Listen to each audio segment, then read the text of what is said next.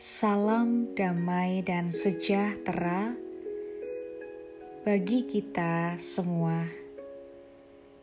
Saudara yang terkasih, hari ini kita akan bersama-sama merenungkan firman Tuhan yang diambil dari Mazmur 119 ayat 1 sampai 3. Berbahagialah orang-orang yang hidupnya tidak bercela, yang hidup menurut Taurat Tuhan. Berbahagialah orang-orang yang memegang peringatan-peringatannya, yang mencari Dia dengan segenap hati, yang juga tidak melakukan kejahatan, tetapi yang hidup menurut jalan-jalan yang ditunjukkannya. Berbahagialah, hai orang benar.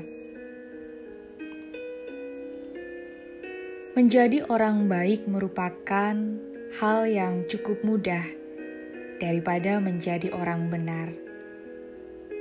Menjadi orang baik cukup dengan membantu atau memberi sesuatu kepada orang lain. Kita akan bisa disebut orang baik. Tetapi menjadi orang benar lebih banyak tantangannya.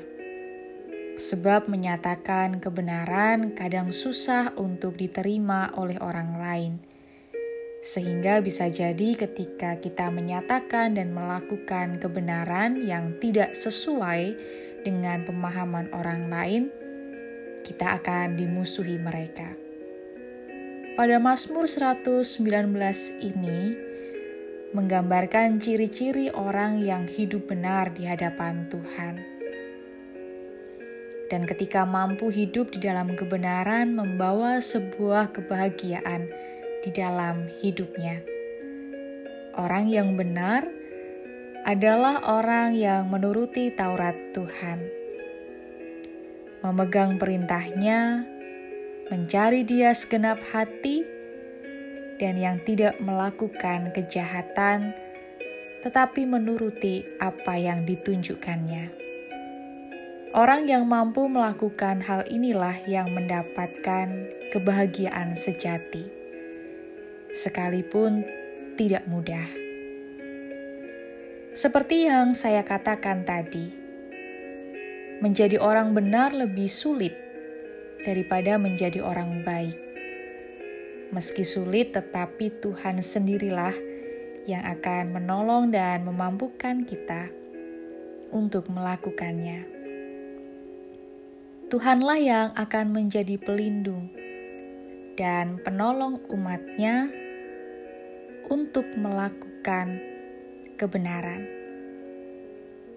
Orang benar akan selalu melakukan kehendak Tuhan dengan ketulusan hatinya, bukan karena pamrih, tapi atas dasar syukur atas anugerah Tuhan yang sudah dirasakan dan menyadari bahwa itulah tugas panggilan kita sebagai umatnya. Kebahagiaan adalah dambaan setiap kita manusia. Namun untuk mendapatkannya tidak mudah membutuhkan tekad dan kemauan yang kuat, yaitu dengan menaati segala peraturan dan ketetapan Tuhan, selalu mencari Tuhan, dan serta selalu berbuat baik, tidak lagi mengikuti hawa nafsunya sendiri.